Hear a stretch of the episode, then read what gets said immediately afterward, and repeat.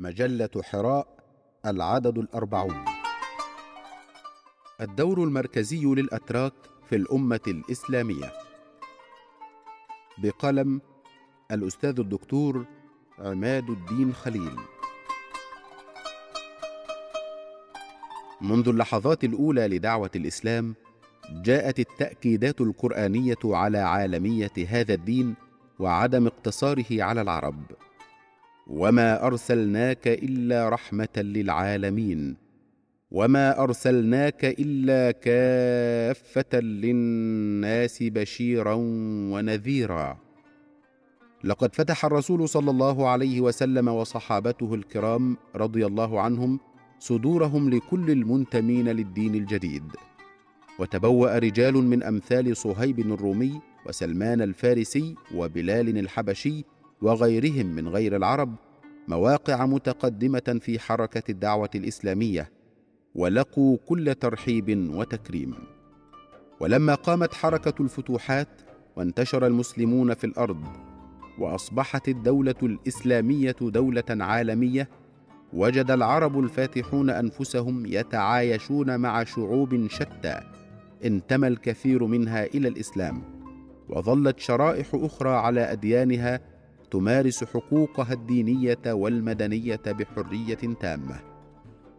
فها نحن ذا إزاء ما يمكن تسميته بالأممية الإسلامية التي أكدها القرآن الكريم في الآية يا أيها الناس إنا خلقناكم من ذكر وأنثى وجعلناكم شعوبا وقبائل لتعارفوا إن أكرمكم عند الله أتقاكم أي ليتميز بعضكم عن بعض. وفي الآية الكريمة ولو شاء ربك لجعل الناس أمة واحدة ولا يزالون مختلفين ولا يزالون مختلفين إلا من رحم ربك ولذلك خلقهم. أممية تعترف بالتمايز بين الجماعات والشعوب والأمم ولكنها تسعى لأن تجمعها في الوقت نفسه على صعيد الإنسانية. كلكم لآدم وآدم من تراب. وهي محاولة تختلف في أساسها عن الأممية الشيوعية التي سعت ابتداء وبحكم قوانين التنظير الصارمة إلى إلغاء التنوع ومصادرته وإلى تحقيق وحدة قسرية ما لبثت أن تأكد زيفها وعدم القدرة على تنفيذها تاريخيا بمجرد إلقاء نظرة على خارطة الاتحاد السوفيتي المنحل حتى قبل حركة البرسترويكا والرفض المتصاعد الذي جوبهت به الأممية الشيوعية من قبل حشود الأقوام والشعوب التي تنتمي إلى بيئات ثقافية متنوعة. كما حدثتنا الخبيرة الفرنسية في شؤون الاتحاد السوفيتي في ثمانينيات القرن الماضي هيلين كارير دانكوس في كتابها القوميات والدولة السوفيتية. الأمر الذي كان أحد الأسباب الرئيسية لانهيار التجربة السوفيتية. إننا بمقارنة هذا بما شهده التاريخ الإسلامي من تبلور كيانات ثقافية إقليمية متغايرة في إطار وحدة الثقافة الإسلامية وثوابتها وأسسها وأهدافها المشتركة يتبين مدى مصداقية المعالجة الإسلامية لهذه الثنائية أي ثنائية الوحدة والتنوع كواحدة من حشود الثنائيات التي عولجت بنفس القدر من الواقعية في الرؤية والمرونة في العمل.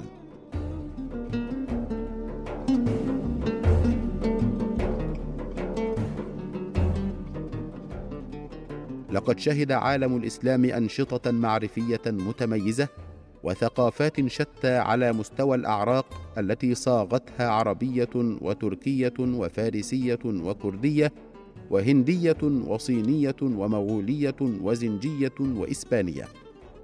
كما شهدت انماطا ثقافية على مستوى البيئات والأقاليم عراقية وشامية ومصرية ومغربية وتركستانية وصينية وهندية وإفريقية وأوروبية وشرقية وتركية وإسبانية وبحر متوسطية.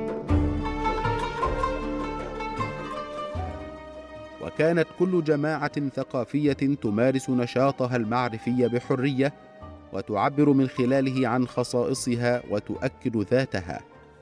ولكن في إطار الأسس والثوابت الإسلامية بدءا من قضية اللغة والأدب وانتهاء بالعادات والتقاليد مرورا بصيغ النشاط الفكري والثقافي بأنماطه المختلفة.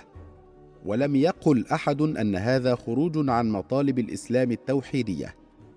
كما أن احدا لم يسعى إلى مصادرة حرية التغاير هذه. وفي المقابل فإن ايا من هذه المتغيرات لم تتحول إلا في حالات شاذة إلى أداة مضادة لهدم التوجهات الوحدوية الأساسية لهذا الدين. إننا إذا استعرضنا في الذهن منظومة الكيانات السياسية في التاريخ الإسلامي أو ما أطلق عليه اسم الدويلات الإسلامية التي تجاوزت في عددها العشرات فإننا سنجد من وراء التنوع السياسي أو بموازاته تغايرا في التعبير الثقافي ولكن في دائرة الإسلام. وسنجد كذلك حماسا لم يفتر عما كان عليه أيام وحدة الدولة الإسلامية لتحقيق المزيد من المكاسب لهذا الدين وعالمه نشرا للإسلام في بيئات جديدة وجهادا للكفار فيما وراء الحدود وتوسيعا للسلطة الإسلامية فيما وراء الثغور وتعزيزا واغناء للقيم الحضارية الإسلامية التي تلتقي على المبدأ الواحد والمصير المشترك. أي باختصار وكما أطلق عليها المستشرق المعروف فون كورومباوم في كتاب أشرف على تحريره بالعنوان نفسه حضارة الوحدة والتنوع. كل الشعوب التي انضوت تحت الدول الإسلامية منحت فرصتها للتحقق والتعبير عن الذات وبقي المجال مفتوحا حتى للعبيد والمماليك كي يشكلوا دولا ولغير المسلمين أن يتمتعوا بحقوقهم الدينية والمدنية كاملة وأن يتبوأوا مواقع متقدمة في الحياة الاجتماعية والثقافية والسياسية.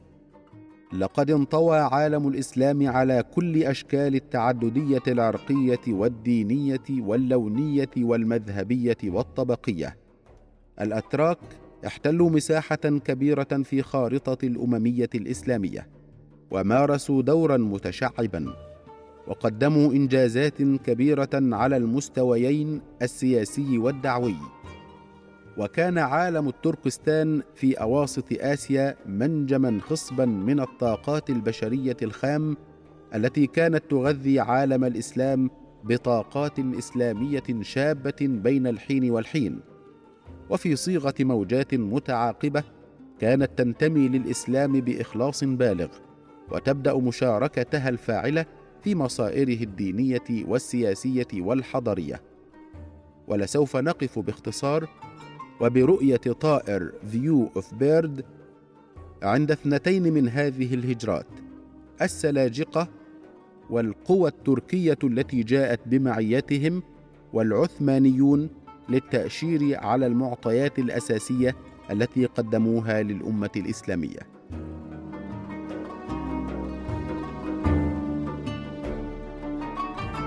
مضى السلاجقة باستراتيجيتهم العالمية إلى العمق الأناضولي وتمكن سلطانهم الثاني ألب أرسلان من 455 إلى 465 من الهجرة الموافق ل 1033 إلى 1072 من الميلاد. من تدمير البنية العسكرية للبيزنطيين في معركة ملاذ كرد. عام 463 هجرية الموافق ل 1071 ميلادية. واضطرارهم إلى الدفاع بعد قرون متطاولة من الهجوم على الأرض الإسلامية. ثم ما لبث العثمانيون أن جاءوا لكي يتموا المهمة ويخرجوا البيزنطيين من التاريخ في أعقاب فتح القسطنطينية على يد القائد العثماني الشاب السلطان محمد الفاتح من 857 هجرية الموافق ل 1453 من الميلاد. هذا إلا أن السلاجقة تولوا أكبر مقاومة للغزاة الصليبيين في الجزيرة الفراتية والشام وفلسطين بعد أن تلقوا صدمتهم المبكرة في الحملة الصليبية الأولى من 489 إلى 543 هجرية الموافق من 1095 إلى 1099 من الميلاد على ديار الإسلام. ولقد تمثل الرد السلجوقي والقوى التركية الإسلامية التي جاءت بمعية السلاجقة بقيادات ثلاث مارست دورا خطيرا ليس فقط في وقف الزحف الصليبي وإنما في تدمير بنيته العسكرية والسياسية وفتح الطريق للناصر صلاح الدين وللمماليك من بعده للإجهاز عليهم وتحرير البلاد منهم. فأما أولى تلك القيادات فتمثلت بولاة السلاجقة في الموصل من 489 إلى 521 من الهجرة الموافق ل 1095 إلى 1127 من الميلاد حيث برز رجال من أمثال قوام الدولة كربوقة وشمس الدولة جاكورمش ومودود بن آل تون تكين وجيوش بك وآق سنكر البرسقي ألحقوا بالصليبيين هزائم قاسية في الجزيرة الفراتية والشام وفلسطين. والقيادة الأخرى تمثلت بأراتقة ديار بكر. الذين قدموا مع السلاجقة واستقروا في الإقليم المذكور حيث شكلوا شبكة من الإمارات في ماردين وديار بكر وحصن كيفا. ظلت تحكم هناك لأكثر من ثلاثة قرون من 465 إلى 812 من الهجرة الموافق واثنتين وسبعين إلى ألف وأربعمائة وتسعة من الميلاد. ومارس مؤسسوها الأوائل سقمان بن أرتق وإلغازي وبلك بن بهرام دورا خطيرا في مقاومة الغزاة الصليبيين وإلحاق الخسائر المتتالية بهم.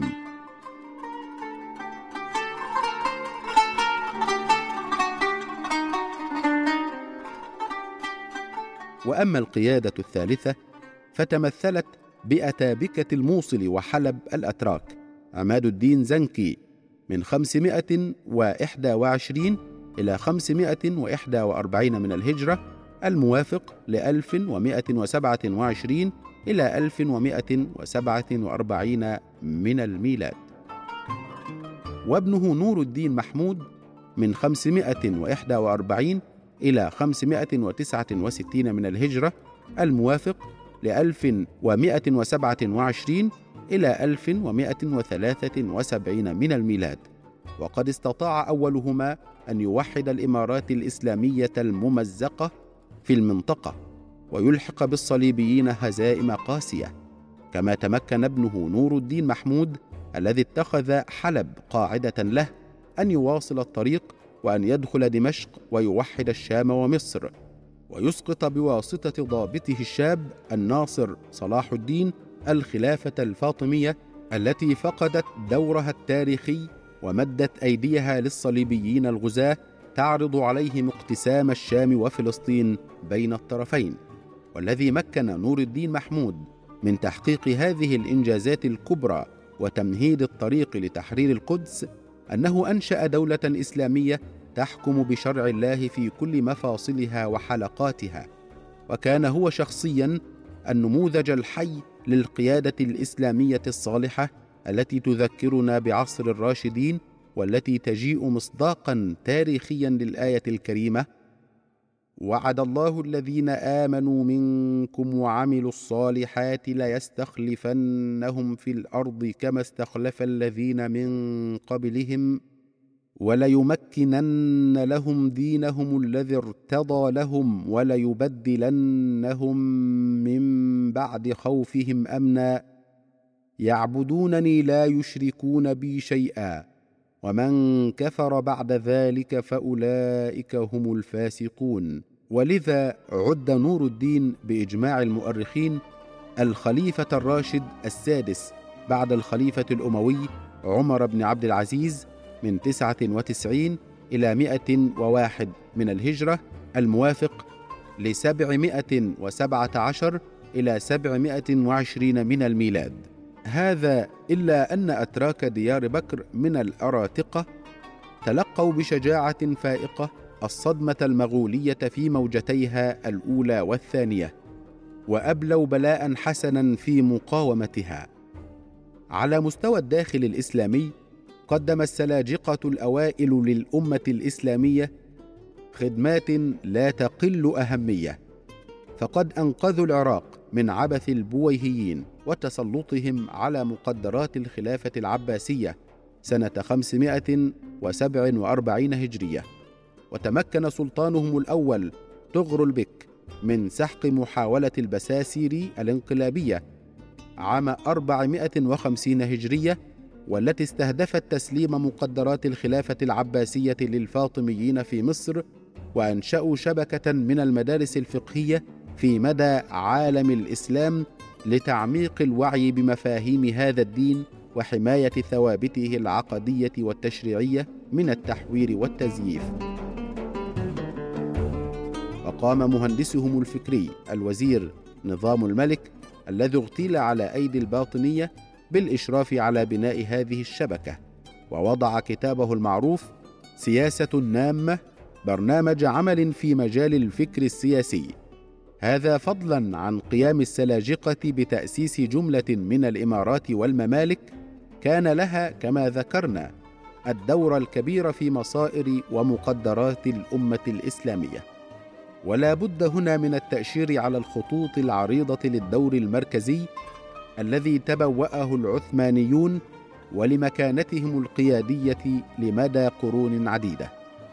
فالعثمانيون هم الذين فتحوا القسطنطينية عام 1453 من الميلاد وحققوا نبوءة الرسول القائد عليه أفضل الصلاة والسلام وهم الذين أخرجوا البيزنطيين من التاريخ بعد أن كان هؤلاء شوكة تحز جنب الأمة الإسلامية وكيانها السياسي لمدى قرون متطاولة.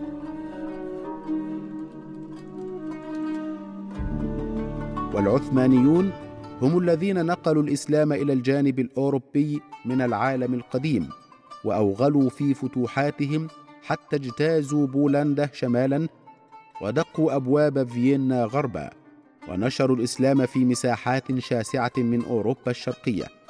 وهم الذين أعدوا العدة في وقت مبكر لمجابهة تحديات حركة الاسترداد الإسباني الريكونكويستا ضد الوجود الإسلامي في الأندلس. وانقاذ ما تبقى للمسلمين هناك. ولكن التحديات والمشاكل التي جابهتهم صدتهم عن تحقيق هدفهم الكبير هذا. وهم الذين امتصوا زخم الهجمة المغولية الثانية بقيادة تيمور لنك. وكسروا حدتها رغم التضحيات البالغة التي قدموها. وهم الذين غلبوا الصفويين في معركة جالديران عام 1514 من الميلاد. وكان هؤلاء قد حدوا سكاكينهم لطعن العثمانيين في الظهر ووقف اندفاعهم في العمق الأوروبي. وهم الذين لاحقوا الإسبان والبرتغاليين في محاولات الالتفاف المعروفة على الوجود الإسلامي في إفريقيا والخليج العربي وقاتلوهم شبرا شبرا وذراعا ذراعا وحرروا الكثير من الديار من قبضتهم وهم الذين تصدوا لمؤامرات القوى الغربية الكبرى على عالم الإسلام وبخاصة بريطانيا وفرنسا وروسيا زمن العنفوان الاستعماري الذي مضى لالتهام ديار المسلمين في مشارق الأرض ومغاربها. والعثمانيون هم الذين حموا فلسطين من محاولات الاختراق الاستيطاني الصهيوني واستعلوا على إغراءات هرتزل وضحوا بعرشهم من أجل هذا الهدف النبيل. هذا إلا أن الأتراك المسلمين هم الذين تولوا العبء الأكبر في التصدي للمحاولات الشيوعية الشرسة والمبكرة لافتراس الأرض والشعوب الإسلامية في آسيا الشمالية. والعثمانيون أخيرا وليس آخرا هم الذين قاموا بدور مؤكد في حماية عالم الإسلام من مخاطر التمزق الداخلي وتوحيد أقاليمه المبعثرة لقرون عديدة. وتمكينها من استعادة فاعليتها في مجابهة التحديات. بل إنهم حتى لحظات الأفول الأخيرة رفعوا شعار الجامعة الإسلامية ودعوا إليه بحماس منقطع النظير وهو الشعار الذي لقي تجاوبا مدهشا من لدن الشعوب الإسلامية كافة من الهند شرقا وحتى المغرب الأقصى غربا. ولكنه أجهض بالمؤامرات الشرسة للدول الاستعمارية الكبرى وبخروج الدولة العثمانية منهزمة في أعقاب الحرب العالمية الأولى وتفتيت أملاكها في كل مكان.